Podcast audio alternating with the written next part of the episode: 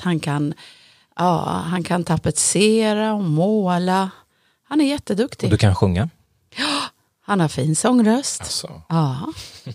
Så du ser vad många talanger du har där. Välkomna till We Are One Community Podcast. Med er idag så är Mikael Torebräng och vi ska ha en fantastisk stund här tillsammans med våra fantastiska pastorer. Lennart och Carolina Torebräng kommer vara med idag och de kommer svara på flera av de frågorna som vi har fått in via sociala medier. Så häng med oss idag. Det kommer bli mycket skratt, kanske lite tårar och mycket, mycket givande samtal tror jag. Så härligt. Här har vi Lennart Carolina Torebräng. Hur mår ni? Jättebra. Vi mår jättebra. Härligt. Aha. Känns underbart. Ni är inte här ensamma, ni har ju en extra gäst här, plus one. Ja exakt, vi har ju våran eh, Yorkshire terrier med oss också. Som eh, heter Hanni men vi kallar henne för Våfflan. Våfflan. Härligt. Våfflan är alltid välkommen här. Ja.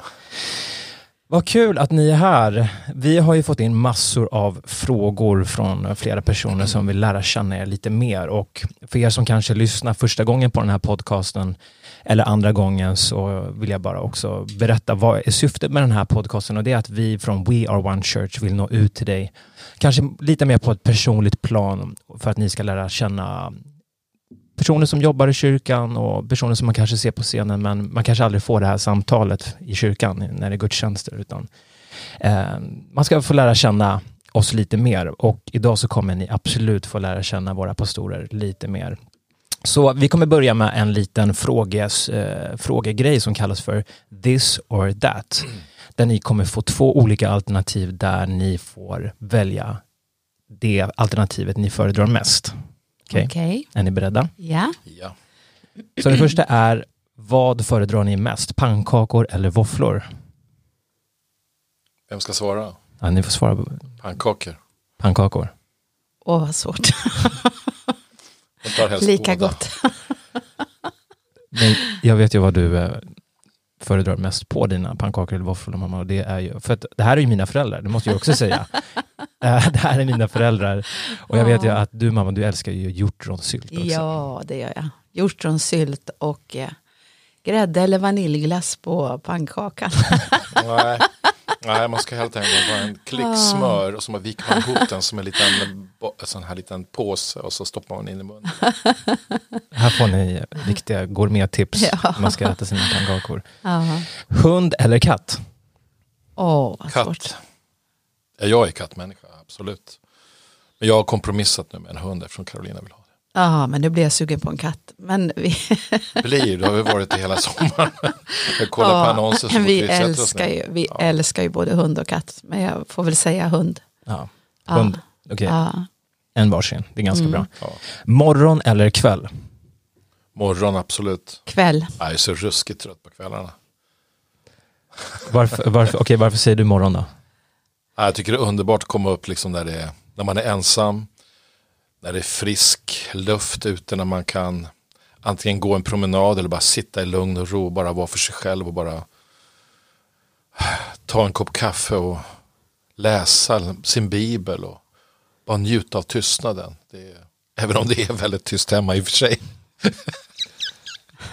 Förutom, vi bor ju grannar med er så att Ja. det är inte alltid så lugnt när våra Nej. barn kommer. Och, När man har stängt igen kattluckan in till Aron så, så är det ganska lugnt. okej, du säger kväll. Jag, jag älskar kvällarna. Jag äl- älskar att umgås och socialisera. Men just nu vet jag inte vad som har hänt. Jag känner mig så pigg så jag vaknar tidigt också. Och så är jag gärna uppe sent. Du dricker mycket kaffe också. ja, jag dricker mycket kaffe. Man kan säga så här, du somnar på bråkdelen av en sekund. Ja, det gör jag. Ja, Det är sant. Så att, Det är sant. Men det här är ju bra tips för de som kanske tycker att morgonen är tuff och de som kanske blir helt slut på kvällen. Så det är jätte, jättebra tips. Semestra utomlands eller semestra i Sverige? I Sverige absolut. I Sverige. Jag gillar inte sitta på flygplatser eh, och bara vänta. Alltså jag älskar att bara få vara i den svenska naturen. Och förresten kan jag säga så här, skulle jag möjligtvis åka utomlands så finns det egentligen bara en enda plats för mig. Det vet jag. Du vet, och det är Israel. Israel. Där vilar jag verkligen. Det är helt det är en unik plats. Mm, Så ska jag, ska jag utomlands så tänker jag bara Israel faktiskt. Jag tänker inte på de här klassiska platserna där man eh, liksom ligger och pressar i solen och så vidare. Nej, jag har också varit i Israel, det är fantastiskt vackert. Bryggkaffe eller cappuccino? Bryggkaffe. Cappuccino. Nej, cappuccino är alldeles för kaloririkt. Det blir, så, det blir som att äta en middag. Tycker jag. Ja. Nu kommer en riktigt svår. Wow Göteborg eller wow Malmö? Båda. Omöjligt att välja. Alltså det är en helt omöjlig fråga. Ja, det är en omöjlig fråga. Det är en lite kuggfråga. Ja, älskar Ja. båda. Det kanske skulle bli inbördeskrig här Ja. om ni hade valt någon. Älskar båda. Ja. Lika mycket. Och för er som inte vet vad Wow Göteborg och Wow Ma- Malmö är så är det två stycken församlingar vi har startat i Göteborg och Malmö. Nästa och den sista på This or That det är Romarbrevet eller Jesaja. Åh. Det går inte heller att välja. Fy vad svårt alltså. Älskar Jesaja. Och, Alltså, man, kan Roma, inte, man kan inte utesluta något, någon av och Romarbrevet som ger oss uppenbarelse om rättfärdighet. Den Hur skulle vi kunna vara utan det? avgörande. Nå, nej. Vi älskar båda. Ja, det är, det är omöjligt att säga. Den är faktiskt ganska svår. Ja, den Ja. är svår.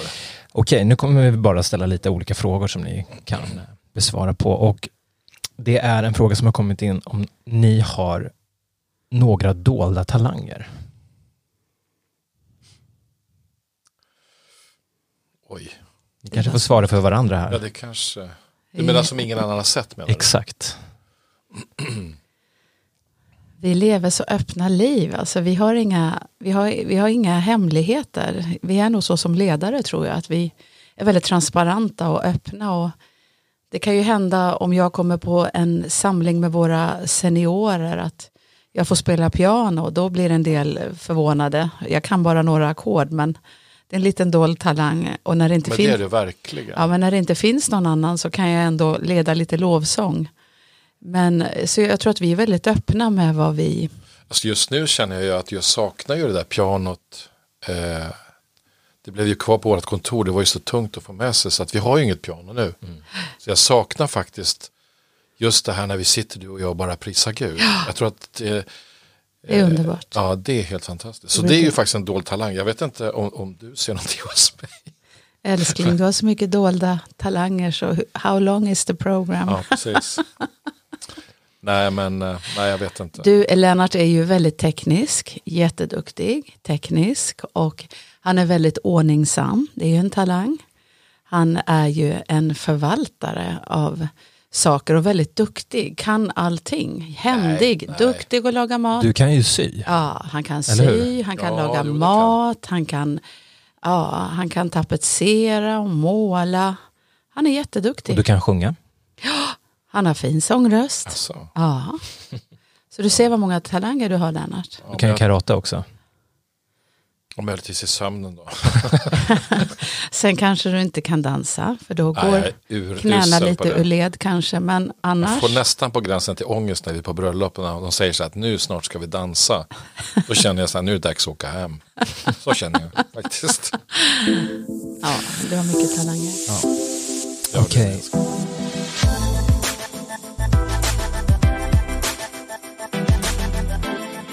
Om ni var på en öde ö och ni fick ta med er endast en sak och då inte Bibeln, vad skulle ni ta med er? Eh, alltså, är vi där tillsammans eller? Ja, Okej. Vatten kan väl vara bra. en flaska vatten. Ja, Ja, kanske en brunn. Vatten som man kan få upp kontinuerligt. En brunn. Ja, vatten är ju nödvändigt. eller varför inte då någon slags reningsautomat så att man kan ta vatten från havet och så renas man avsaltar det och så går det att dricka. Då har man ju vatten hela tiden. Man får köpa det från, de gör ju dem i Israel. De är bra på det. Ja, man får Aha. köpa med sig en sån helt enkelt. Det är ganska smart. Vad gillar ni att göra på en ledig dag? Alltså jag tycker om att bara åka ut till, alltså det finns flera saker. Jag tycker om att vara tillsammans med Carolina. Där vi bara ut till en plats, kanske liksom, eh, vi har ju lite sådana här små smultronställen. Där man kanske sitter och tar en bit mat liksom med, med en underbar utsikt där man känner att man kan liksom bara vila. För vi, behovet av att vila är väldigt stort för mig just med tanke på att man, man ger jättemycket i församlingen vilket jag älskar. Men så behöver man just den här bara själens vila, att kunna vila sina ögon på någonting. För mig räcker det att vila mina ögon på min fru, hon är helt fantastisk. Men att få göra det tillsammans ute i naturen är ju helt underbart. Sen älskar jag ju att träffa våran familj och vara tillsammans. Och Kanske är det så att många tror att vi gör det väldigt ofta, men det gör vi faktiskt inte. Vi, vi hinner inte träffa varandra så mycket som kanske människor tror. Därför så är det en otroligt viktig stund för oss. Sen, sen, är det ju så här att församlingen är ju vårt liv. Och nu, nu pratar jag hela tiden här. Församlingen är ju vårt liv så att man, man njuter av att få vara också liksom i förberedelser inför det som sker i församlingen. Och det, det, är någonting som sker hela tiden. Men om jag ska svara konkret på din fråga så är det nog så här att just bara att kunna komma iväg och få, få låta själen vila just på de här platserna som jag nämnde. Mm. Det är väl så jag tänker kanske. Men sen tycker jag, vi, vi, älskar ju, eftersom vi har hund också, att gå i skogen, gå ja. i naturen, i skärgården. Men också att åka till ett museum eller eller liksom någonting sånt. Det var länge sedan vi Gillar gjorde det. Museum? Ja men det var länge sedan nu. Men tänk dig att gå på konstmuseum eller gå på en klassisk konsert. Vi har gått på väldigt ja. mycket klassiska konserter. Men också sätta sig och, och, ta en kopp kaffe när man har gått och tittat på ett konstmuseum. Eller, det gjorde vi sist vi var i London, eller hur? Mm. På G12-konferens så tog vi bussen och vi åkte till Nationalmuseum och bara gick där en hel dag. Och, och sådana där saker också. att att... Jag, jag, kan, jag minns när vi var i Paris och gick på Louvren. Ja. Det var ju en upplevelse. Det var en otrolig upplevelse. Det, det, var mycket liksom också för själen på ett sätt också. Allt det här kulturella, alltså arvet som vi har i mänskligheten också. är ju makalöst. Sen är ju, kommer man till London, kommer man till Paris, kommer man till de här större städerna i Europa så, så är det ju så mastodont mycket större, så mycket mer historia än vad vi har i vårt lilla land Sverige. Mm. Det är så enormt stort och det är, det är jätteintressant. Och sen en klassisk konsert. Ja, eller opera eller klassiskt. Alltså det är ja. så skönt. Oratoria som vi och älskar till julen. Och bara sitta stilla och lyssna. Ja. Och bara få liksom hinna ikapp lite grann. Ja, det är sant, alltså. härligt. Ja. Nej men sen så, någonting som jag kommer att tänka på i och med att jag känner er väldigt väl är ju att ni kompletterar varandra väldigt bra. Du, du, gill, mam, du mamma gillar ju äventyr. Ja. Och du gillar inte att det bara blir monotont Nej, och samma nej. sak. Det är det värsta som finns. Uh, så du, jag minns att du har ju alltid hittat på äventyr av minsta lilla sak. Ja. Att ta en promenad eller åka ut och utforska med bilen. Det behöver inte heller vara så stora Nej, saker. utan stora saker. Bara att bryta mönstret i vardagen kan ge så mycket för själen också. Men det är så sant. Och jag vill ju alltid se nya platser och gå nya promenader. Så jag går ju och promenerar mycket själv också. eh, och då vill jag alltid visa Lennart de här nya vägarna jag har gått. För jag tycker det är väldigt tråkigt att gå samma väg. Och jag tror att det präglar min personlighet också. Hur jag hela tiden vill erövra nytt på det andliga området också. För jag är sån i, mm. i det naturliga. Du kommer från en sån familj också. Där det faktiskt, eh, din pappa är ju, han var ju i alla fall en liten äventyrare. Och kanske din mamma höll igen lite. Ja. Men din pappa var ju sån. Jag kommer ju från en familj som på grund av olika omständigheter kanske inte tänkte på det sättet. Det, det, är klart att det färgade ju mig. Precis, och jag tror verkligen att, att det här att bryta mönstret i vardagen, oavsett vad det är, om det är ens relation med Gud, att man eh, söker Gud på olika sätt. Man kan ta, precis som du säger, en promenad och, och be. Att man inte hela tiden bara lever i samma hjul. Utan att man vågar bryta upp mönstret för att få ett nytt perspektiv eller börja tänka på ett nytt sätt. Eh, det är någonting som jag känner är väldigt skönt att göra. Eh, en annan fråga, hur ser en dag ut för er? En arbetsdag. En arbetsdag. För mig är det så att mina förmiddagar är ganska heliga för mig och väldigt viktiga för mig. För förmiddagen, då vill jag inte bli så upptagen av eh, kontakter och mejl och sådana saker. Ibland tvingas man ändå att svara på olika frågor och jag är sån som inte tycker om att skjuta på saker. Jag vill gärna uträtta det på en gång men jag försöker vara disciplinerad i, i den mån det går så försöker jag att se till att förmiddagen fram till tolv, det är min bönetid och det är min tid med Gud. Så för mig är det väldigt viktigt när jag vaknar på morgonen att jag börjar först med min personliga daily devotional. I, och, och det kanske jag gör när jag vaknar på sängen. Jag får ju alltid eh, frukost tidigt av min man på sängen. En liten hård smörgås och eh, en eh, kaffe. Och sen så läser jag Guds ord och ber. Och Lennart går ofta upp tidigt och går in i sitt arbetsrum. Men jag kan sitta kvar en stund i sängen och läsa Guds ord. Men sen går jag upp och sätter mig vid skrivbordet. Och förmiddagen är då jätteviktig för mig att fortsätta vara i bön och vara i ordet. Och sen efter det så tar jag mig an dagen. Så resten av dagen så går det till olika arbetsuppgifter i församlingen. Och det, det kan ju vara allt mellan himmel och jord och, och, man är i väldigt många olika processer samtidigt. Så att det kan vara nödrop från människor, det kan vara ledarträning samtidigt som man förbereder någonting man ska undervisa. Så speciellt i terminuppstarten, både januari och september, så är det oerhört intensivt. Och vi har ju också mycket kontakt med våra wow-församlingar och olika saker som kommer upp där. Så att veckan går väldigt, väldigt snabbt. Och dagarna går oerhört fort. Precis, jag kan väl säga att min, mina, min dag ser väl väldigt liknande ut din. Vi har lite olika rutiner du och jag men eh, ehm, det, det, varje dag så att säga efter lunch då man har haft sin bönetid och man har varit i ordet och, så, ehm, så är det ju mycket av förberedelser. Det är mycket som ligger i pipelinen hela tiden. Vi håller på, vi planerar träffar med våra wow-pastorer.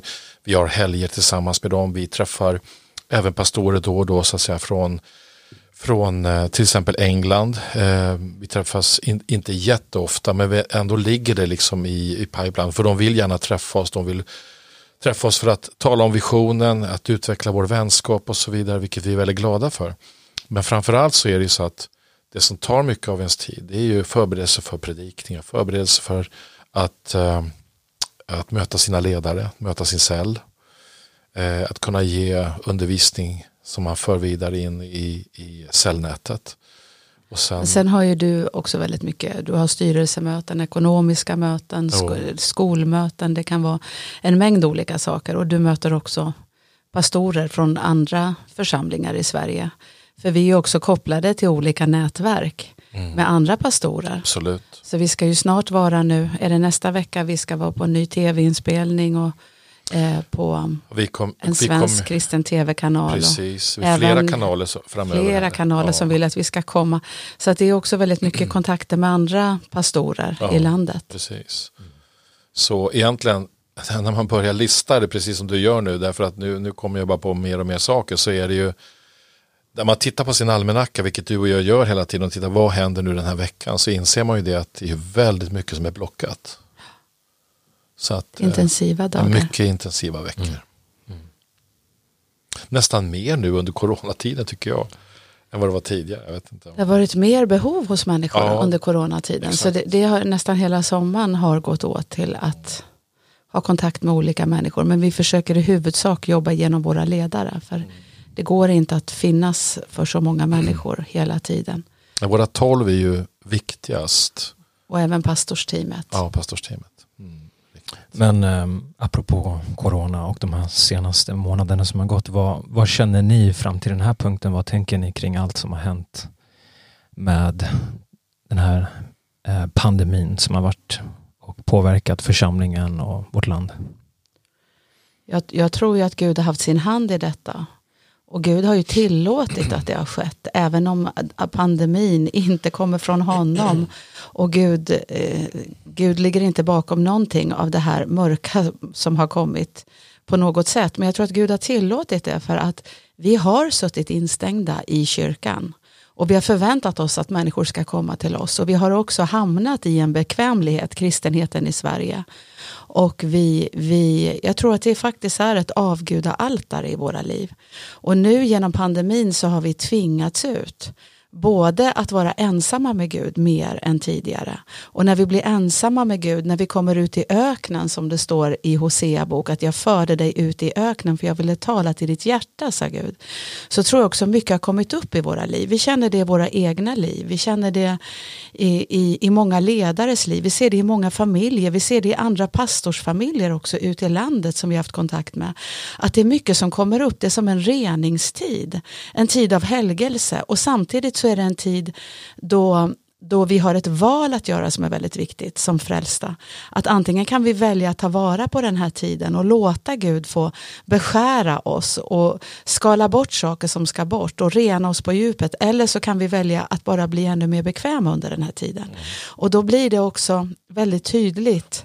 Det blir också som en prövning. Vill vi gå med Gud? Vi har stått och sjungit så många lovsånger att vi ger allt, vi lägger oss på ditt altare. Men nu, nu, nu vill Gud se det också tror jag i praktisk handling i våra liv. Så jag tror att den här tiden är jättenyttig för oss och jätteviktig. Och samtidigt känner man ju som pastor att, att man liksom, ens hjärta går ut så till församlingen. Och vi fick redan tidigt bara säga Gud, det är din församling, du är pastor för församlingen, du måste beskydda fåren i jorden under den här pandemin och den här isoleringen. Så man kan ju vakna på nätterna ibland ändå och bara tänka på olika ansikten och hur mår han och hur mår hon? Och, och då får vi kontakta våra ledare och säga kommer han till dig nu? Och mår han bra, mår hon bra? Man försöker följa upp. Men samtidigt så måste vi vila i att Gud tar hand om sin församling. Det man är tacksam för, jag håller med om allt det du säger, det man är så otroligt tacksam för det är ju att, att vi eh, började med visionen, att Bror tog in visionen 2003 in i församlingen. Vi ser ju att hela cellnätet och hela visionens struktur har ju, är ju vårt fundament. Vi har ju alltid sagt att, att eh, cellerna är ryggraden i församlingen. Och det är det också som har gjort att vi ändå har kunnat haft en kontinuitet i det som sker genom cellerna. Och sen, eh, jag tänkte på det som det samtalet jag hade med Jorge Andres som, som är pastor Caesars eh, tolk. Han, han sa det, nu förstår jag, sa han. Jag menar, det säger tolken då. Nu förstår jag varför pastor Caesar under alla dessa år har predikat om blodet och hur han till och med under ett helt år i Colombia predikade varje kväll om blodet. Och jag, jag, jag tänker ibland så att säga, hur predikar han då i 365 dagar?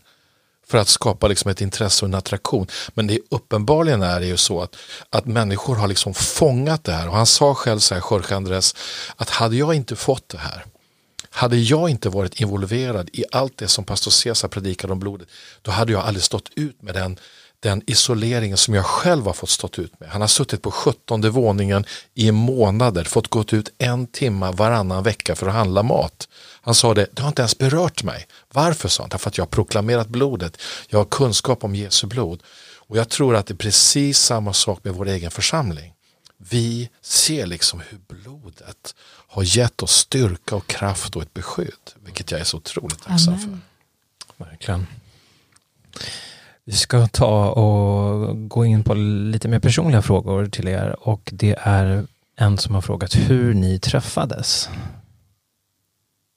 Carolina får berätta. Ja, vi träffades ju väldigt tidigt. Vi växte upp i eh, en församling i Uppsala som hade barnläger. Och det var en buss som skulle gå på sommaren ner till en liten lägergård i Småland någonstans, eller utanför Västervik var det va? Svenbo. Svenbo Valdemarsvik. Valdemarsvik. Och i den bussen så satt eh, en lång kille längst fram och jag satt längst bak. Jag satt bland de tuffa tyckte jag och jag tyckte att de tuffa skulle sitta längst bak i bussen. Jag var bara 12 och Lennart var 14. Men vad som hände när bussen stannade det var att vi alla barnen sprang in på den här lägergården och eh, skulle ta de bästa rummen och jag sprang in på övervåningen i den här lägergården och skulle ta ett rum och jag ropade det här rummet ska tjejerna ha men plötsligt så stod den här långa killen som hade suttit längst fram och skrek att nej det här rummet ska killarna ha och så började vi bråka och han slängde ut mig därifrån. Och då uppstod kärlek i mitt tolvåriga hjärta. Jag var alldeles för ung, jag var alldeles för omogen, för liten. Men jag tänkte honom vill jag gifta mig med. Och eh, det uppstod en väldigt stor kärlek på det lägret. Eh, och sen dess har vi varit oskiljaktiga faktiskt. Och det var ju inte så bra för att man är ju inte mogen att eh, få en relation i den åldern. Så vi hade en ganska slitsam tonår när vi växte upp. För att vi var som Romeo och Julia. Det var tills döden skiljer oss åt. Vi, vi kämpade för varandras kärlek och för att få våra föräldrar att förstå att vi skulle gifta oss med varandra. Men våra föräldrar var ju inte glada och kunde inte välsigna det här och det skulle inte jag heller göra om det hade varit lilla Mikael som kom hem när han var 12 år. nu är han gift och, och är 30 år, du, du är ju det mycket så att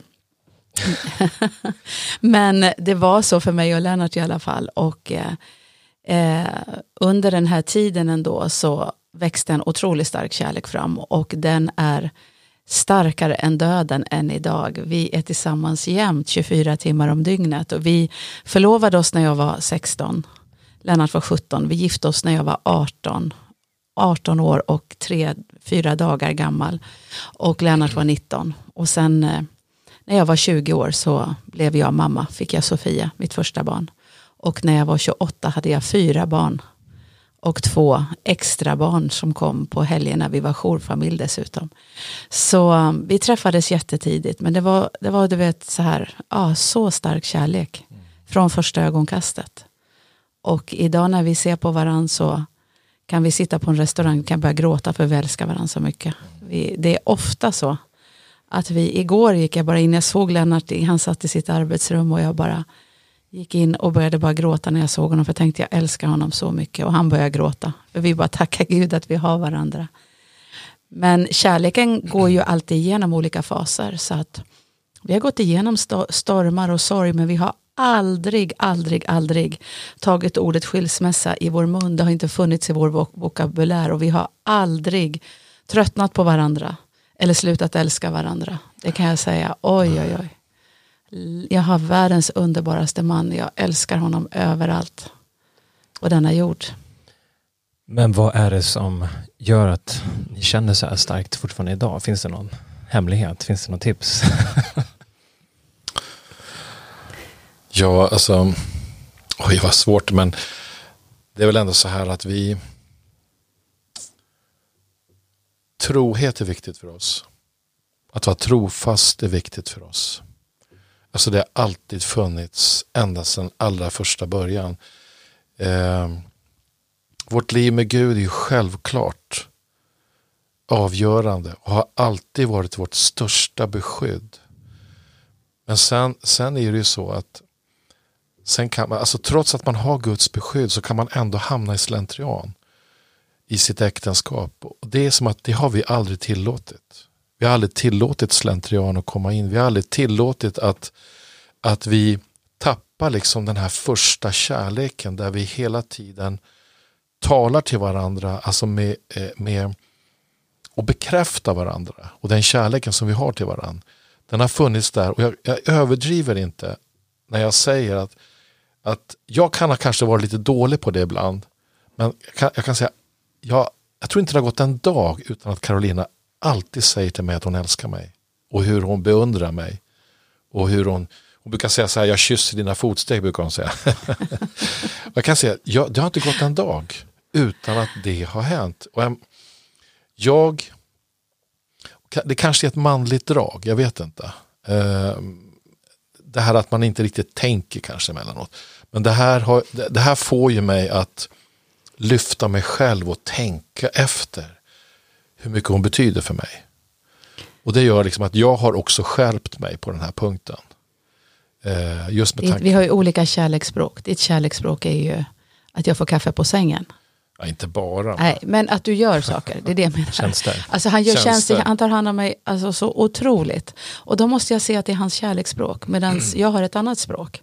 Och det är ord och, och, och beröring. Mm. Så därför så är det så att man, man måste ju också se, vem är min man? Och sen så får man inte hålla saker emot varandra. För jag har ju jättemycket svagheter. Och Lennart har jättemycket svagheter. Men vad betyder det? Att vi tittar på varandras svagheter och påpekar dem. Utan de ska vi glömma, vi ska inte se på dem. Utan hela tiden ska vi tala liv in i våran lustgård. Vi ska tala kärlek och det som bygger upp. Och vi ska aldrig hålla på och kontemplera vad den andra har gjort för fel. Utan kärleken överskyler en myckenhet av synder står det. Så därför så, när det gäller det så, om vi skulle ha bråkat någon gång så, jag kommer aldrig ihåg vad vi bråkade om. Alltså det, det är inte intressant. Jag kommer inte ens ihåg när vi gjorde det. Nej, men däremot så är det viktigt att vi kan kommunicera. Så det har ju vi gjort hela livet. Alltså vi kommunicerar om allt och Lennart har också gett mig frihet att uttrycka mitt hjärta och mina åsikter. Sen så måste man vara vis när man säger saker och hur man säger saker. Och ibland är vi mottagliga för korrigering från varandra. Men ibland är man stressad eller sårbar. Och då måste den, den parten som har eh, något argument mot den andra träda tillbaka. Och säga det vid ett bättre tillfälle. Och säga det på ett fint och kärleksfullt sätt. Så det är också en konst att komma, kunna kommunicera på ett bra sätt. Och vi behöver en helige ande i den äktenskapliga kommunikationen. Men Gud har varit så god mot oss. Jag är så tacksam. Och det är fantastiskt att ändå det äktenskap vi har haft där vi har eh, tillåtit varandra att, att korrigera varandra. Eh, därför att jag menar, vi, vi, är, vi är olika på olika sätt. Jag, menar, jag, jag är ju en eh, många gånger väldigt pedantisk person. Liksom. Det kan ju gå till överdrift. Eh, och, och, Det kan ju göra liksom att, det blir, att jag begränsar både mig själv och andra. Och då kan ju du säga till mig liksom att nu, nu, så här kan du inte göra, du får inte, du får inte göra på det här sättet. Därför att, men jag kanske har det här behovet av att det ska vara så mycket ordning runt omkring så att det går till överdrift. Men då kan du med kärlek bara liksom hjälpa mig att tänka för att inte bygga liksom en... För att ordningsamhet kan ju bli negativt. Jag menar inte att man ska vara slarvig men, men att man, man lär varandra fast man till och med är i vuxen ålder, hur man kan faktiskt hantera saker. Är man mm. öppen för det? Och fortsättningsvis faktiskt tillåter varandra, liksom att nästan att vi fostrar varandra lite grann i äktenskapet. Så, så växer ju det här. Det blir, det blir som en eh, blomstrande liksom äng bara. När man kan hjälpa varandra och inte ta saker och ting personligt mm. och negativt. Så det här är en konst. Ödmjukhet i kärlek Ödmjukhet är viktigt. mot varandra. Verkligen alltså. Mm. Det var precis min nästa fråga. Vilka eh, kärleksspråk har ni? Men då har eh, du Lennart, du har tjänster att man gärna ja. hjälper, hjälper till och gör det lilla extra och, ja. och fixar. Och du hade fysisk beröring och ord. Ja. Vilka är de eh, tre andra för de som inte känner till kärleksspråken? Det är ju gåvor. Och det är Det är tid. och det är tid. tid. Mm. Ja, Micke, du har ju tid va? Eller hur? Jag har nog tid tror jag. Ja, faktiskt. dina barn, tid. De vill inte ha så mycket kramar, de vill ha tid och uppmärksamhet, eller hur? Så. Och sen så är det tid, gåvor, fysisk beröring, ord. Mm. Ord och så är det tjänster. Tjänster, ja. ja. Precis, för alla som inte känner till dem. Det är verkligen ett tips att, att kolla in de språken för det hjälper en väldigt mycket. Mm. Då kommer nästa fråga. Hur visste ni att ni var kallade till pastorer? Att vi var kallade till tjänst, om vi börjar så, om att tjäna Gud med våra liv.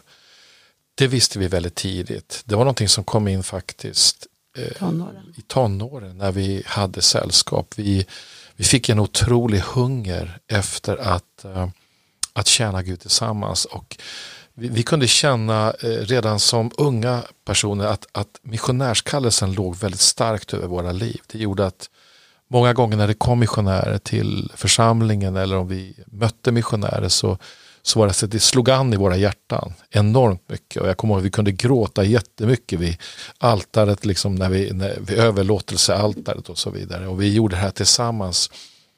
Sen, eh, sen var ju Carolina och jag väldigt olika. Hon hade en mycket starkare kallelse på sitt liv när vi träffades än vad jag hade. Jag var en ganska, ganska tillbakadragen person egentligen. Eh, sån där person som var ganska nöjd med bara allting fungera. Men när jag, när jag, och jag ser ju liksom hur Guds hand är viktig just med att man hittar rätt livspartner. Därför att där kan också Gud lotsa in en på rätt väg just för att man är en annan typ av person. Så här tändes någonting i mitt hjärta och jag började äga liksom kallelsen själv.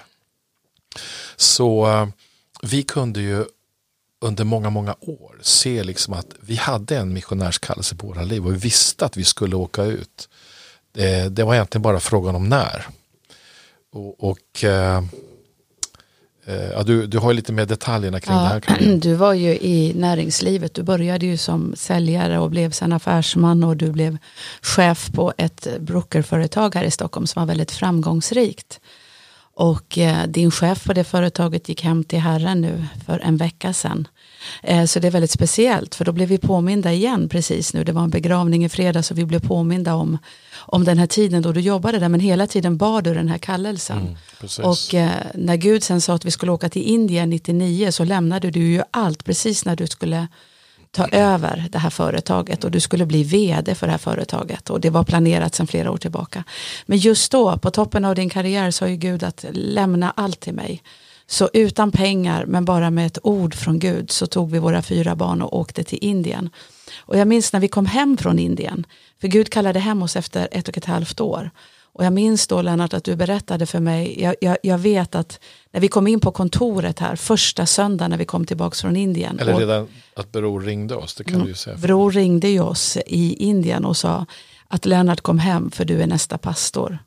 Eh, och då skrattade Lennart och sa att det var, det var ett roligt skämt bror, sa, sa du, men eh, jag kommer hem för att hjälpa dig och stå vid din sida. Så du började ju som administrativ pastor, men jag glömmer aldrig första gången vi kom hem från Indien och gick in på hans kontor. Hur bror kom i anden och började profetera och han dansade runt på sitt kontor.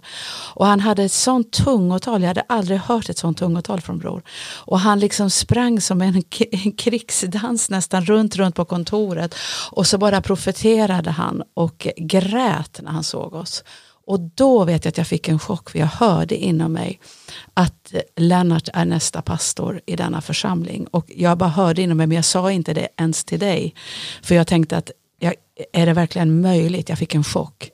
Och sedan vet jag att du bara någon vecka efter det gick ner för trappan i foajén. Du stod ensam i foajén en vardag. Du gick ner för stentrappan. Och du Skulle be där. du skulle gå ner och be men du ställde dig och tittade ut genom fönstret och du stod i foajén ensam i tystnaden.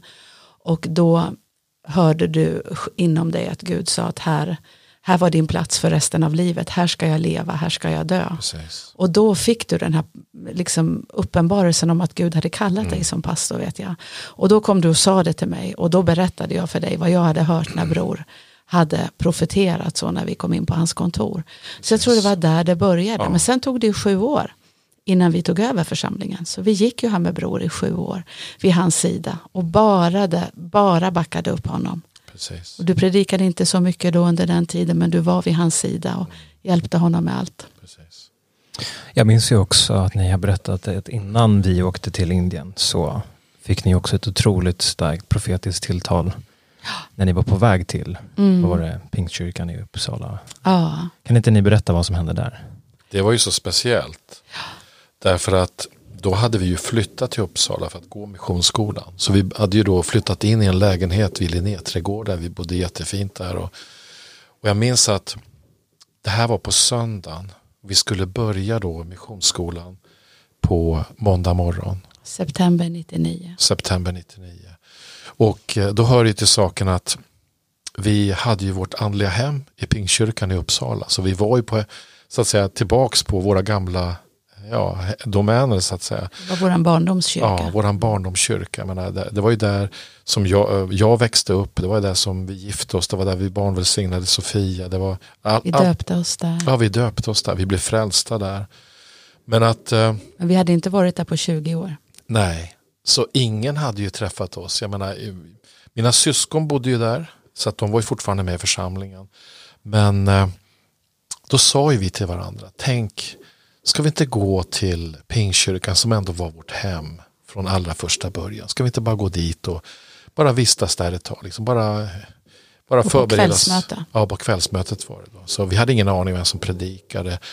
Men vi gick dit i alla fall, vi bodde ganska nära eh, Ping- Pingstkyrkan där. Och på vägen dit, när vi går där, så säger Carolina till mig så här.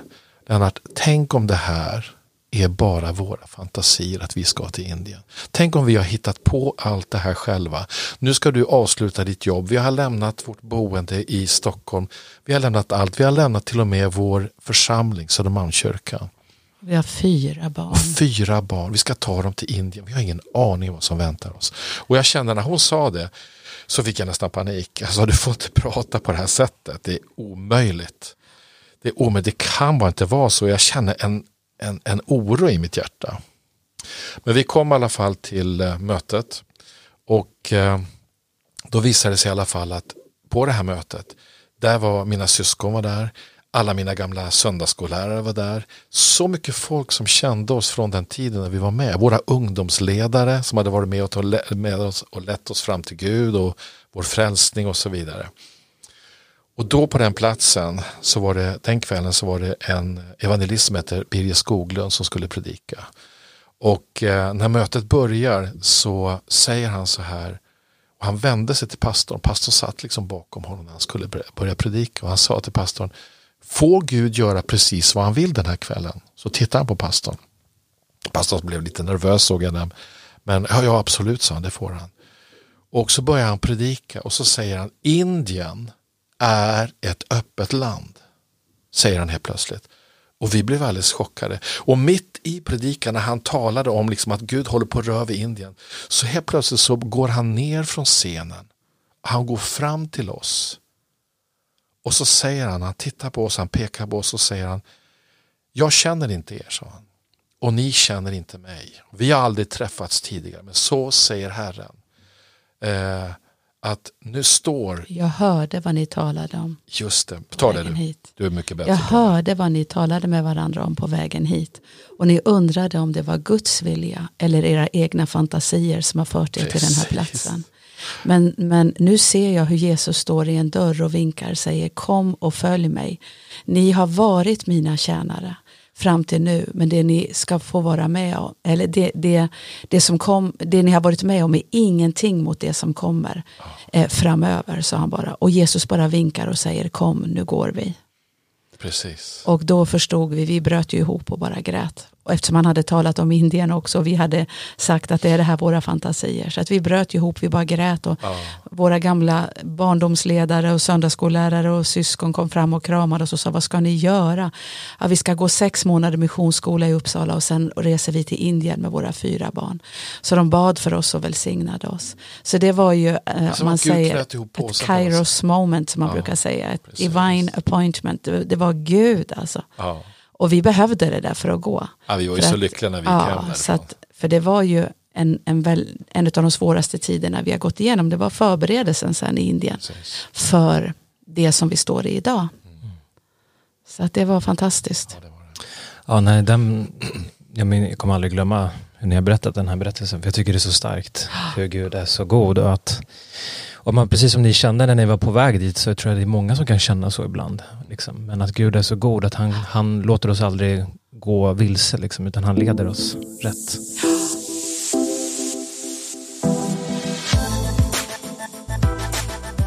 Yes, vi har några frågor kvar och här kommer en fråga om hur håller man Gud nummer ett i ett förhållande? Hur man håller Gud nummer ett i ett förhållande. Alltså det är så här, någonting som Carolina och jag har lärt oss under vårt, det är faktiskt så att vi firar 40 år 3 eh, januari 2021. Och någonting som vi har lärt oss under de här åren det är att vi kan aldrig vara beroende av varandra. Utan vi måste alltid vara beroende av Gud.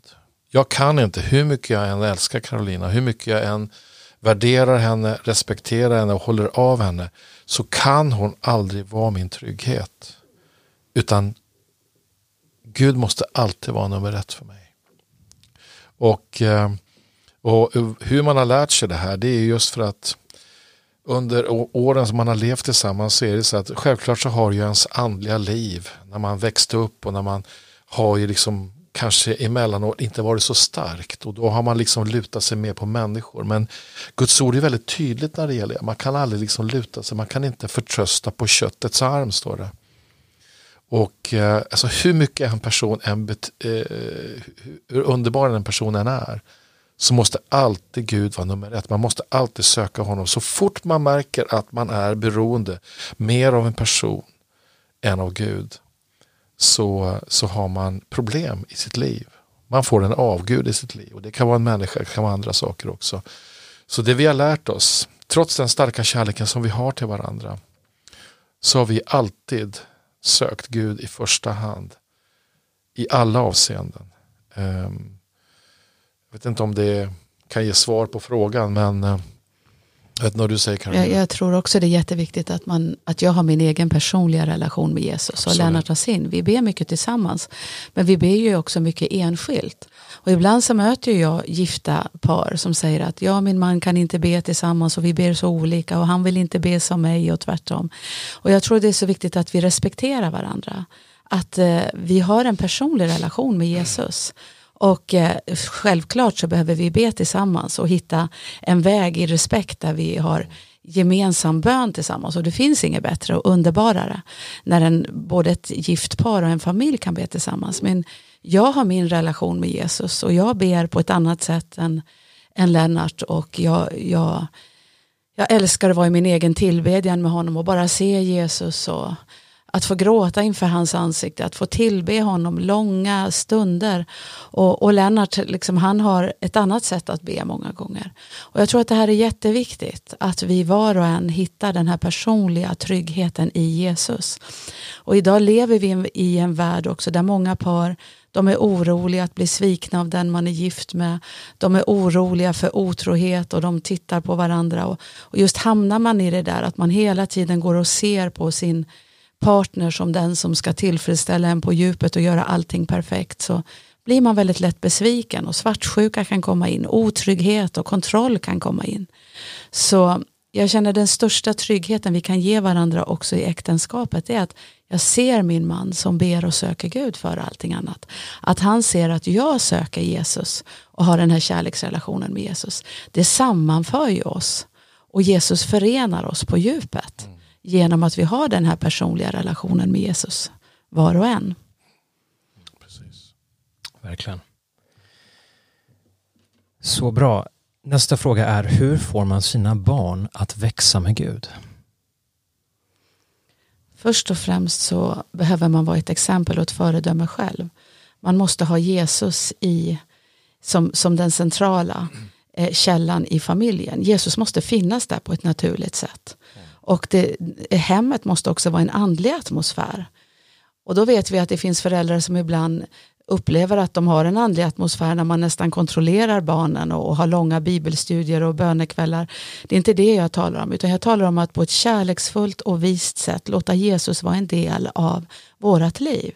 Jag tror hemligheten till att alla ni barn, Mikael, i vår familj, att ni aldrig har gått bort från Gud, är för att hur ska man kunna lämna någon som har levt med oss hela livet? Och jag, jag tror att jag kan säga det, att Jesus har levt med oss hela livet. Jag minns när Sofia var liten och satt och grät över sin mattebok när hon gick i lågstadiet. Och jag, jag hade själv så svårt för matematik och så började hon gråta och jag tänkte bara nej, hon ska inte behöva uppleva det här som jag upplevde. Och så sa jag, men nu ska mamma be för dig Sofia. Du ska få förståelse, du ska få visdom och uppenbarelse, att förstå matematiska termer och, och att kunna göra matematiska uträkningar. Och jag minns hur jag bad för henne vid det där lilla skrivbordet i hennes barnrum. Och, och det är bara ett exempel, att Jesus alltid fanns där och att man som förälder kunde gå och lovsjunga i vardagsrummet när barnen lekte, även om de gjorde andra saker så, så fanns Jesus alltid där. Blev någon sjuk så bad vi till honom. Vi bad för maten, vi bad för ekonomiska mirakler.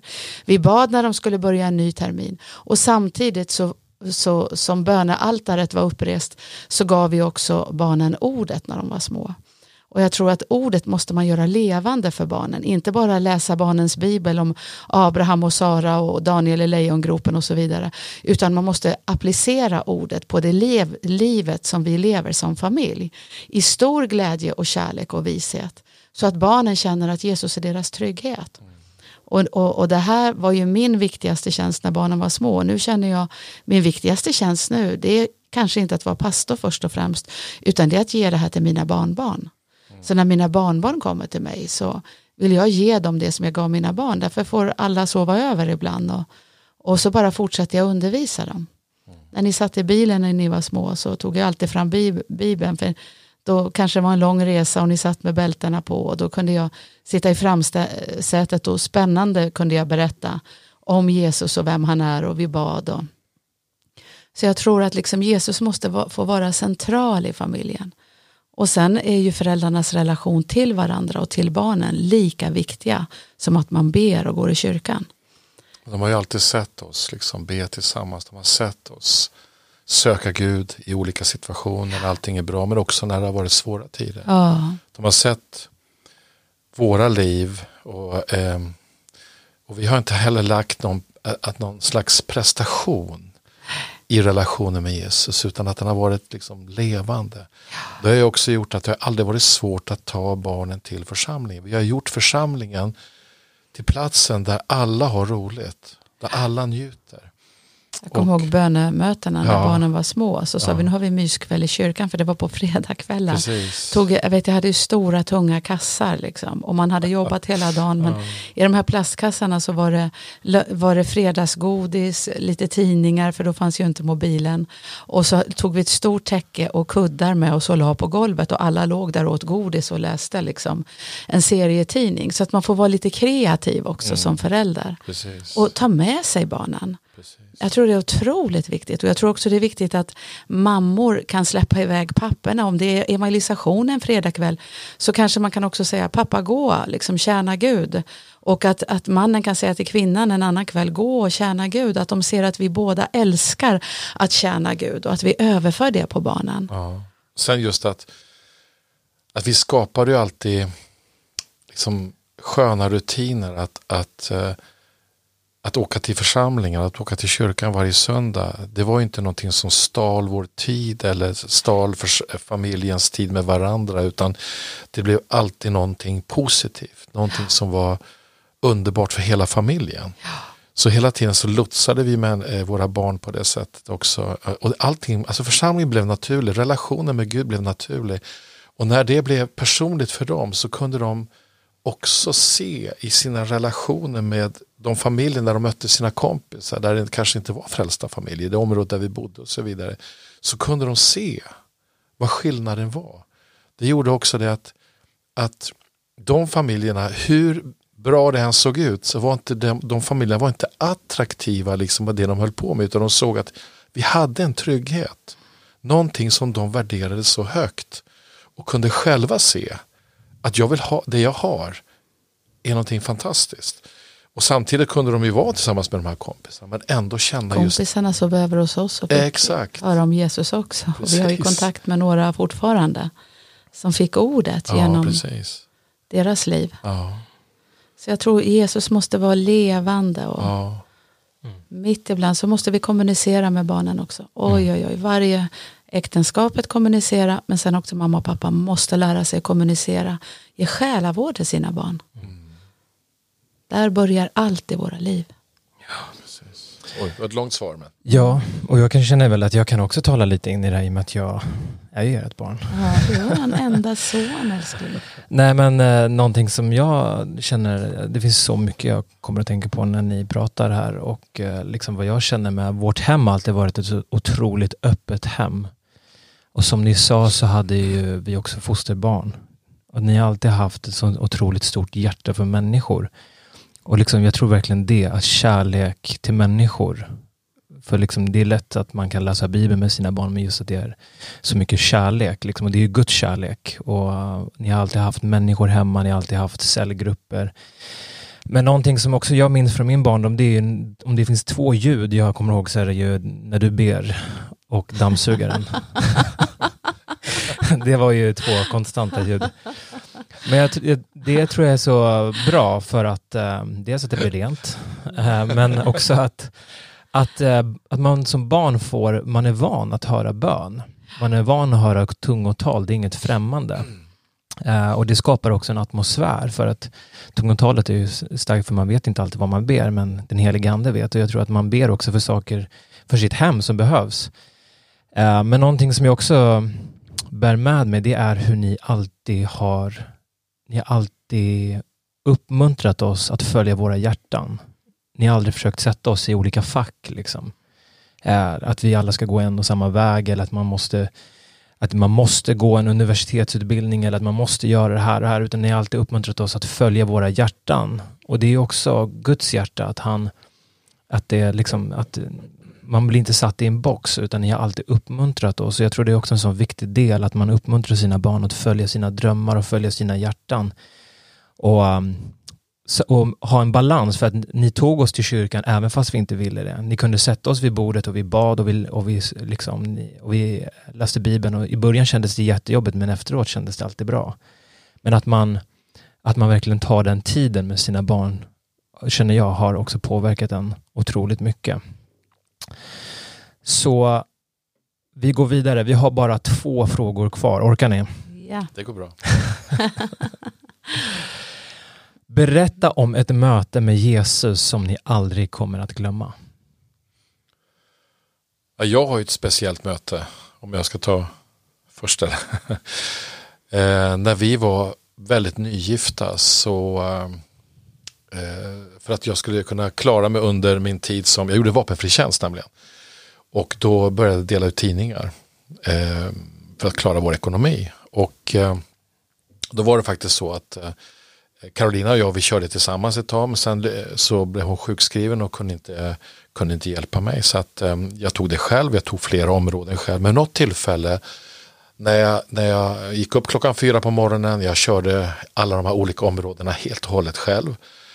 Så vid ett tillfälle så ramlade jag eh, ner för två trappavsatser eh, när jag springer upp, eller på väg ner med, eh, med tidningarna. Och jag bryter av fotleden. Och det blev så pass allvarligt då så att jag, jag hamnade på sjukhus. Och då vid det tillfället, det var på Akademiska i Uppsala, så var jag med om en upplevelse som jag aldrig faktiskt, varken före eller efter har varit med om. Jag hamnade tillsammans med, mitt emot mig så var det en, en busschaufför som hade eh, blivit påkörd med sin buss och brutit benet. Och sen till höger om mig så låg det en affärsman som hade gått ut på morgonen och skulle hämta tidningen och hade ramlat på isen. För det var snö, det var vinter. Och brutit benet. Så de här två personerna låg bredvid mig. Bredvid mig. Och den här affärsmannen, han var så otroligt arrogant. Jag var väldigt frimodig så jag började berätta om att jag var kristen och så vidare. Så när han fick höra det, då ville han inte ens prata med mig. Han ignorerade mig totalt. Busschauffören var en väldigt enkel person, trevlig och så vidare, men vi pratade inte så mycket. Men på natten, så när jag ligger och sover, så, så vaknar jag av att min säng skakar. Och först så vaknade jag upp, jag tänkte så här, jag trodde det var sjuksköterskan som kom som skulle väcka mig. Men eh, det var ingen där. Så jag bara la mig tillbaka, tänkte inte så mycket på det. Och så somnade jag, så, så skakade sängen igen. Och jag får upp igen och jag undrar liksom, vad är det som händer. Men jag, då var jag lite så här, eh, tyckte det var konstigt. Så när jag lägger mig ner igen så kunde jag inte somna. Så när jag är vaken så märker jag hur hela min säng skakar. Och då blev jag rädd. Och samtidigt som jag liksom fick fruktan så hör jag här plötsligt bara Guds röst. Och han säger till mig så här, du måste väcka de här personerna och säga till dem att jag älskar dem. Och jag tänkte, aldrig i livet, det gör jag inte. Framförallt inte den här affärsmannen som verkligen avskydde mig som pesten. Men jag bara hör orden igen, du måste väcka dem och du måste säga till dem att jag älskar dem. Att jag lever. Och att jag lever och att jag älskar dem. Exakt, tack. Så jag satte mig upp i sängen. Jag liksom drog upp ryggstödet. Och så sa jag mitt i natten, så, alltså, ursäkta mig, ursäkta mig. Och de, vad vill du liksom? Han blev jätteirriterad på mig, den här affärsmannen då. Den andra busschauffören, han var ganska timid. Sådär. Ja, vad vill du för någonting? Vad håller, varför väcker du mig för? Jo, jag har bara, jag, Jesus väckte mig, sa jag. Och han eh, säger till er att eh, jag, jag anser att jag lever och att han älskar er. Och det blev alldeles tvärtyst där inne. Och så helt plötsligt så hör jag den här affärsmannen säga eh, Tack ska du ha, så. Tack så mycket. Och det sa busschauffören också. Det var skönt att höra. Och sen bara la jag mig ner. Jag kände sån glädje när jag hade gjort det. Det blev tvärtyst där inne. Dagen efter, när de kom in då, skulle sjuksköterskan skulle ta hand om mig, skulle förbereda mig för operation och så vidare.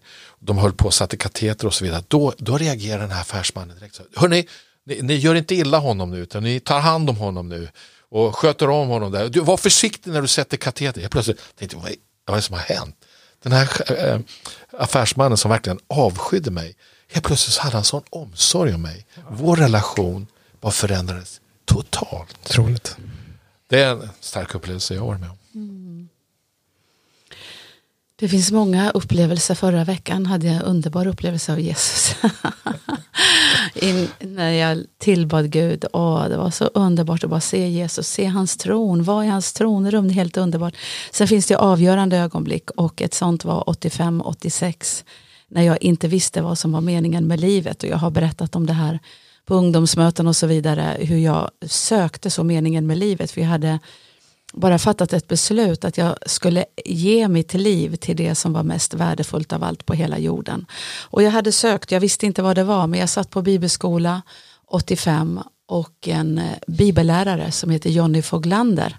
Han är pastor idag i Uppsala och eh, bibellärare, stark bibellärare. Han började predika om Jesus eh, när han gick ner till jorden och lämnade faderns härlighet. Och hur han sen kom hem till fadern vid tronen och han målade upp en väldigt stark bild av hur det kanske var när Jesus bar fram sitt blod inför fadern, precis som översteprästen hade gjort in i det allra heligaste för folkets synder. Och eh, när han berättade den här berättelsen, då i det ögonblicket så var det ett avgörande ögonblick för mitt liv och för det som har hänt i mitt liv fram till idag. För då förstod jag i ett ögonblick att det viktigaste av allt på hela jorden, det är att ge Jesus till världen som annars går evigt förlorad. Alltså där fick jag min kallelse.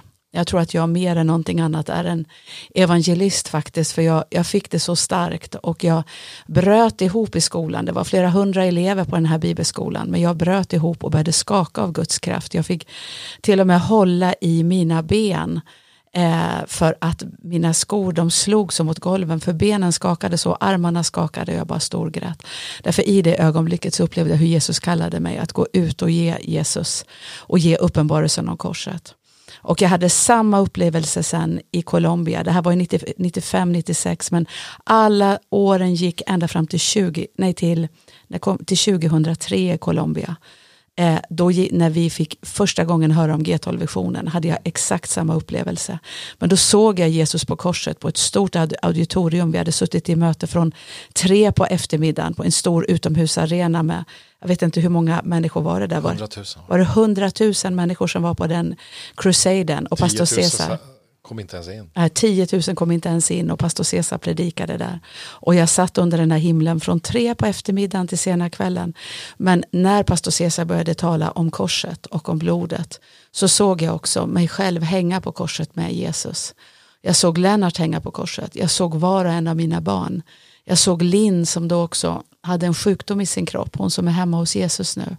Och när jag såg var och en hänga på korset så fick jag också ett sånt här otroligt starkt möte med korset. Att jag föll ner på marken, jag kunde inte stå på mina ben. Jag bara grät och pastor Bror och Inga-Lill var med och så Lennart var med.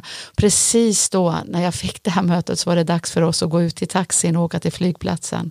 Och jag vet att jag fick famla mig ut från den där stora fotbollsarenan och det var till och med en man som såg mig i en träningsoverall, en pappa med ett litet barn. Han stod långt, långt bort men han kom springande över hela arenan och slog armarna om mig och bara tröstade mig. Alltså han visste inte varför jag grät. Men jag hade fått ett möte med korset. Och sådana här ögonblick kan man aldrig glömma. De blir avgörande, man blir liksom märkt. För eh, sen, sen efter det så dog Linn och, och, och liksom vi gick igenom väldigt mycket svåra utmaningar också i vår tjänst. Det, det hinns inte berättas om och det är inte värt heller men så många strider vi har stått i som människor kanske inte känner till. Men det har varit också ett pris att betala. Och hade inte jag fått det här, det här ögonblicket, den här uppenbarelsen av korset så kanske det hade varit svårare. Men när man blir märkt så där så blir man aldrig mer densamma. Och man får kraft att ta sig igenom. När, när kallelsen kräver någonting mer än vad man kanske klarar i sig själv. Precis. Verkligen. Vi har hållit på här nu över en timme, men vi har sista frågan. Jag ville ställa den här sista frågan för jag tror att den är väldigt, eh, det är en väldigt bra fråga och jag tror det är många som ställer sig den frågan. Eh, vad har ni gjort för att stå fasta och fortsätta framåt? Ni har ju gått igenom väldigt mycket genom era liv. Ni har förlorat en dotter och mycket annat. Men vad är det som har gjort att ni har stått fasta och fortsatt framåt? Vill du svara först? Jag vill säga det att vi är så medvetna om, jag vet inte, kanske också att Gud tog hem Linn också, han tillät det. Eh, för att där vår skattar kommer också vårt hjärta att vara. Jag kan nästan gråta när jag tänker på det. Alltså, vi lever på jorden för himlens skull. Alltså, Gud har välsignat oss med världens underbaraste församling. Vi har en sån underbar familj, vi har så mycket fina vänner i församlingen, vi får så mycket kärlek.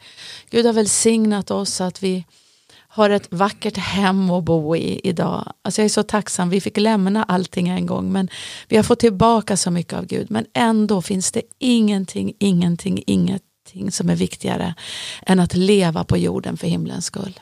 Alltså det finns ingenting som tillfredsställer mig alltså, än att få leva här för evigheten. Alltså jag, jag tänker på det varje dag. Jag tänker på det varje dag, att snart är vi hemma hos Jesus. Och igår när jag ledde bönen på bönesamlingen vi hade så läste jag från Jesaja 40 och vi bad utifrån det att, att någon säger predika och en annan säger men vad ska jag predika? Predika att allt kött är som gräs och att gräset vissnar och det faller bort men vår Guds ord består i evighet. Så jag känner liksom att leva bara för den här jorden det är kortsiktigt. Och det står att alla som vill leva för Jesus kommer att få lida.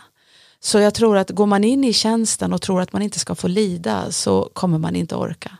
Utan när vi, när vi bestämde oss för att bli pastorer och att gå in i kallelsen så böjde vi våra knän och vi sa kosta vad det kosta vill. I liv och död, vi måste ge allt. Och även när pastor Bror lämnade jorden så hade vi ju längtat efter att han skulle hålla ett avskedstal till oss. Men det avskedstalet blev ju i Jerusalem, för Bror hade ju bokat en resa till oss till Jerusalem ett år innan han dog, för att han var ju så profetisk. Och han hade ett år tidigare själv varit i Jerusalem innan han gick in i himlen.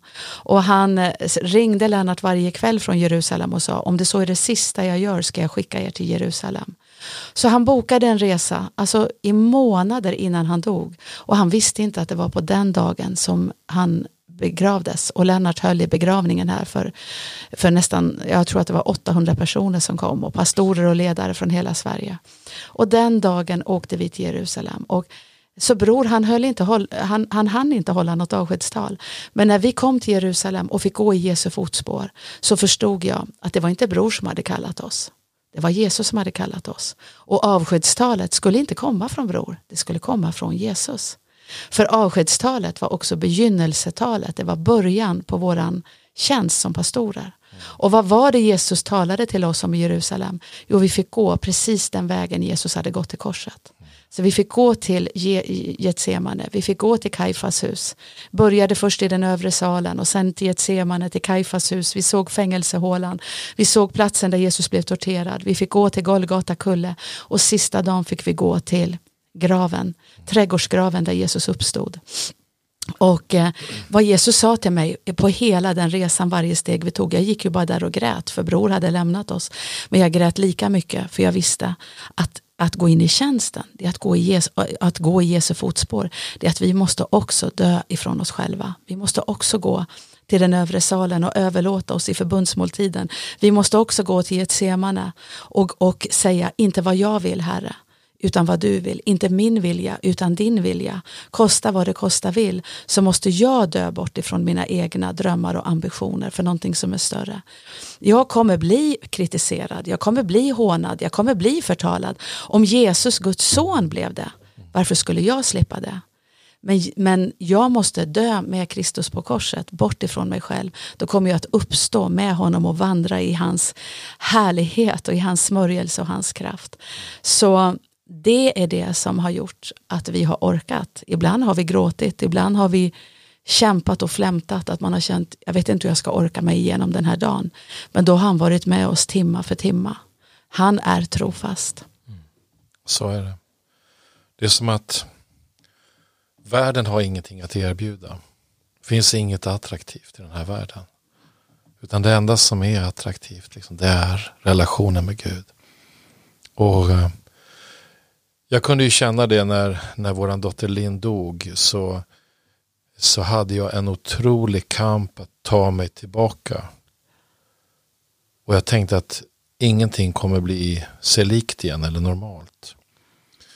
Och eh, Men det, det jag fick känna, det jag fick uppleva, det är att Gud är alltid trofast. Allt det som Gud erbjuder, allt det som Gud ger, det är det som är fullkomligt. Det är där härligheten finns. Jag kunde känna det också när, när pastor Bror lämnade oss, precis som du beskrev här. Så var ju det en mycket märklig situation. Precis som du sa så, så trodde vi att han skulle avskilja oss. Men eh, jag fick ju det här, den här bilden av när, när Elia lämnade jorden och for upp i vagnen så står det att han tapp, han, alltså hans mantel föll ner på marken. Elisa såg honom.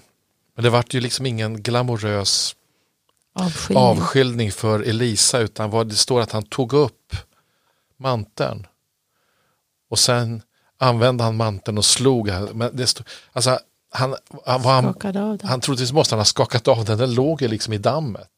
Och lite grann så kunde jag nästan uppleva att, att Gud sa så här, du är inte beroende av bror, du är bara beroende av mig. Nu lägger jag manteln på dig. Det behövs inte att en människa lägger manteln på dig. Du hade den förväntan. Du ska lägga din förväntan på mig. För jag lägger manteln på dig. Även om det inte var glamoröst att plocka upp manteln efter bror och skaka av den, skaka av dammet och sätta på sig den. Så var det exakt det Gud visade. Var beroende av mig oavsett vad som än händer. Och idag, idag är det den 2 september. Den 26 augusti var det tio år sedan som Linn dog. Saknaden är fortfarande enorm. Smärtan är inte densamma. Men saknaden är där fortfarande.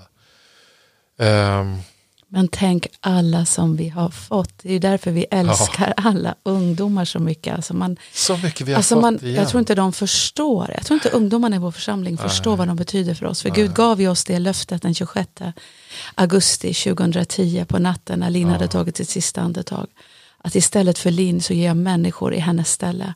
Och de ska komma från olika delar av världen och bland annat Nubien, Etiopien, Eritrea. Men också från Iran, Syrien, alltså från eh, Sydamerika, från olika delar av världen. Och så när jag ser våra ungdomar idag, när vi har haft våra bönekvällar nu, man får träffa dem och krama ja. om dem. Och, jag kan inte komma ihåg, ja, alltså, de, de förstår inte hur mycket vi älskar Nej. dem. De förstår inte vad de betyder. Nej. Alltså de, det är därför vi känner att de är som våra barn. Ja. Alltså de kom istället för Linn. Varenda en är så dyrbar. Alltså himlen har ju kommit så nära. Ja. Och världen har blivit så, har kommit så långt bort från den. Och tänk alla wow-församlingar, alla ungdomar som kommer dit nu. Man, man, vill bara gråta ja, av tacksamhet. Alltså. Ja, Gud har varit god mot oss älskling. Ja, tack Jesus. Ja. ja, det är fantastiskt. Gud har varit så god. Ja, verkligen. Underbart samtal.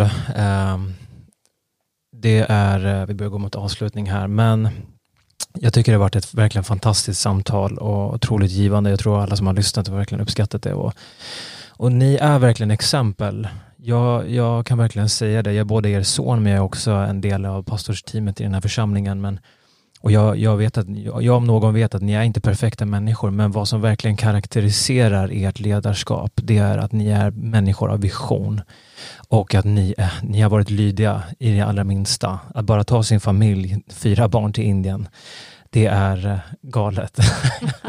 men ni gjorde det. Och nu drömmer ni så stora drömmar. Ni, ni älskar vårt land och ni drömmer om att plantera tolv församlingar. Och det i sig, rent mänskligt sett, kan se otroligt utmanande och svårt ut, men det är just vad vision är. Mm. Att man vågar kliva ut i det okända och, ni, och det verkligen var någonting som karaktäriserar ert ledarskap. Och i det så mycket kärlek för mig som er son och er familj, men också hela församlingen. Ni har enorma hjärtan och det har varit en ära för mig att få samtala med er idag och jag tror det här samtalet kommer få välsigna så många människor. Så tack så jättemycket. Tack själv. Jag älskar er, det ska ni veta. Ja, detsamma. Nu blir mamma lite rörd. Så tack så mycket pastor Lennart och Carolina att ni har varit med på Wow Communities podcast och tack alla ni som har lyssnat ända tills nu. Ha en underbar vecka. Tack för oss.